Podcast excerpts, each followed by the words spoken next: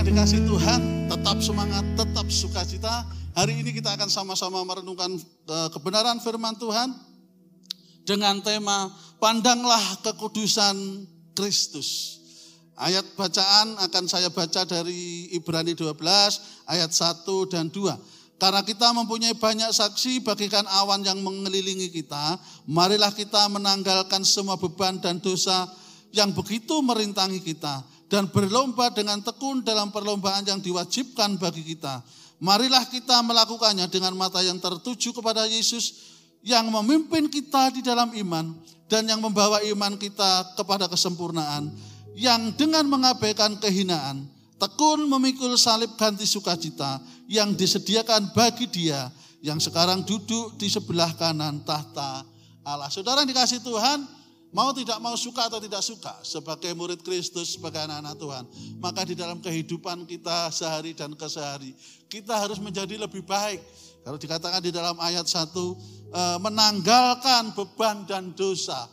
Hal yang tidak berkenan kepada Tuhan, itu kita tanggalkan. Untuk kita meneladani eh, guru kita, panutan kita, teladan kita, yaitu Kristus Yesus. Sehingga judulnya adalah memandang kekudusan Yesus. Kenapa kita harus memandang kekudusan Yesus? Karena Tuhan Yesus selama di dunia itulah contoh yang sempurna yang harus kita ikuti sebagai murid Kristus. Di dalam ayat yang kedua dikatakan, marilah melakukannya dengan mata tertuju kepada Yesus yang memimpin kita di dalam iman dan membawa iman kita itu kepada kesempurnaan.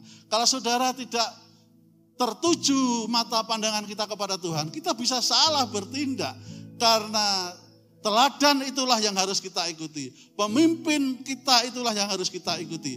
Kalau saudara sedang ada di dalam pasukan baris berbaris, maka saudara harus mengikuti e, memandang pemimpin. Kalau tidak saudara bisa salah arah, bisa salah jalan dan bisa menabrak Eh, teman sebarisan Anda. Demikian juga di dalam iman kita.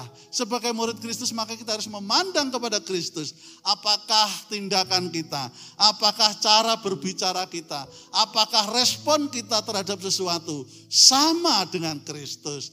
Kalau tidak, maka harus kita tinggalkan.